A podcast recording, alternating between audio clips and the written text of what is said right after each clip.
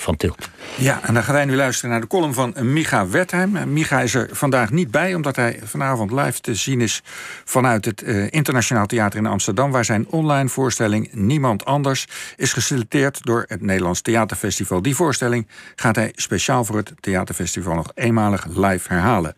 Wat dat precies betekent, een live herhaling en hoe u aan kaarten kunt komen, is terug te vinden op de website van Micha Wertheim of die van het Nederlands Theaterfestival. En dan nu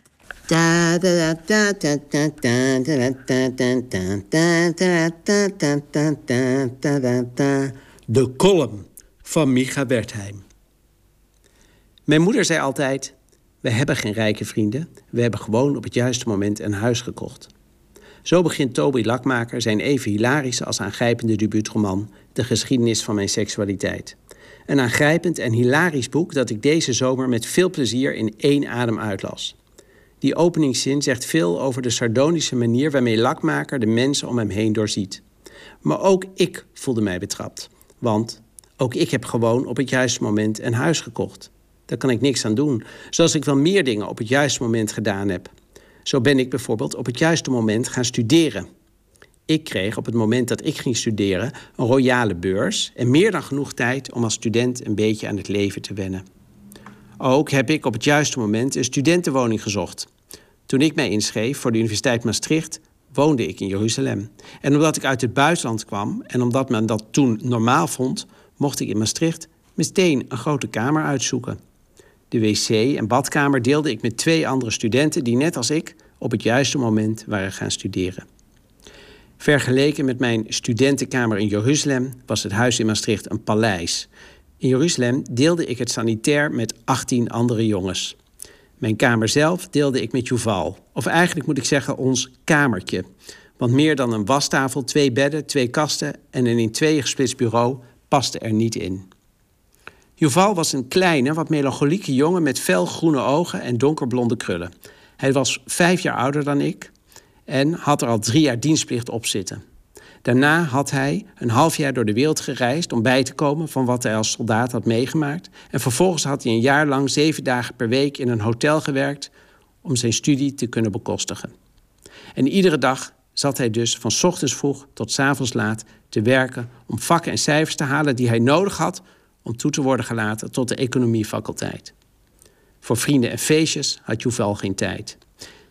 Meestal was het stil in onze kamer. En als we sliepen, en als we werkten. Als we praten oefende ik op Juval mijn Hebreeuws en hij op mij zijn Engels. Juval's ouders waren als kind vanuit Marokko naar Israël geïmmigreerd. Ze maakten het goed, maar hadden niet het geld om hun zoon te laten studeren. Wel gaven ze hem iedere week een tas vol eten mee. Toen ze hoorden dat ik geen eten van mijn ouders kreeg, pakten ze ook voor mij iedere week een lading plastic bakjes in met Marokkaanse lekkernijen. Voor Engels schreef Yuval een werkstuk over Hapanterim Hashorim, de Israëlische Black Panther-beweging.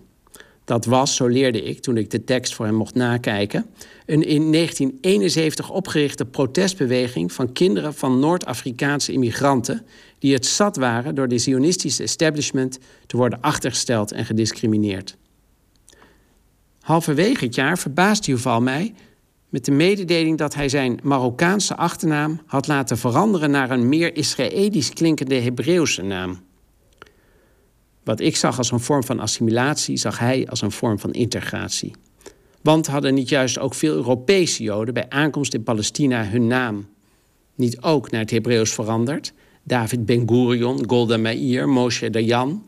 Het waren allemaal moderne Hebreeuwse namen. Een nieuwe naam voor een nieuw begin. Wat is daar nou mis mee? Zo had ik er nog nooit over nagedacht. En dat terwijl mijn moeder Geertruida Helena heet. Niet bepaald een Joodse naam, maar een onderduiknaam, waar ze na de oorlog nooit meer van afkwam. Mijn moeder was altijd ongelukkig met haar naam, vertelde ze ons. En in Israël had ze zelfs een poosje geprobeerd een andere voornaam aan te nemen.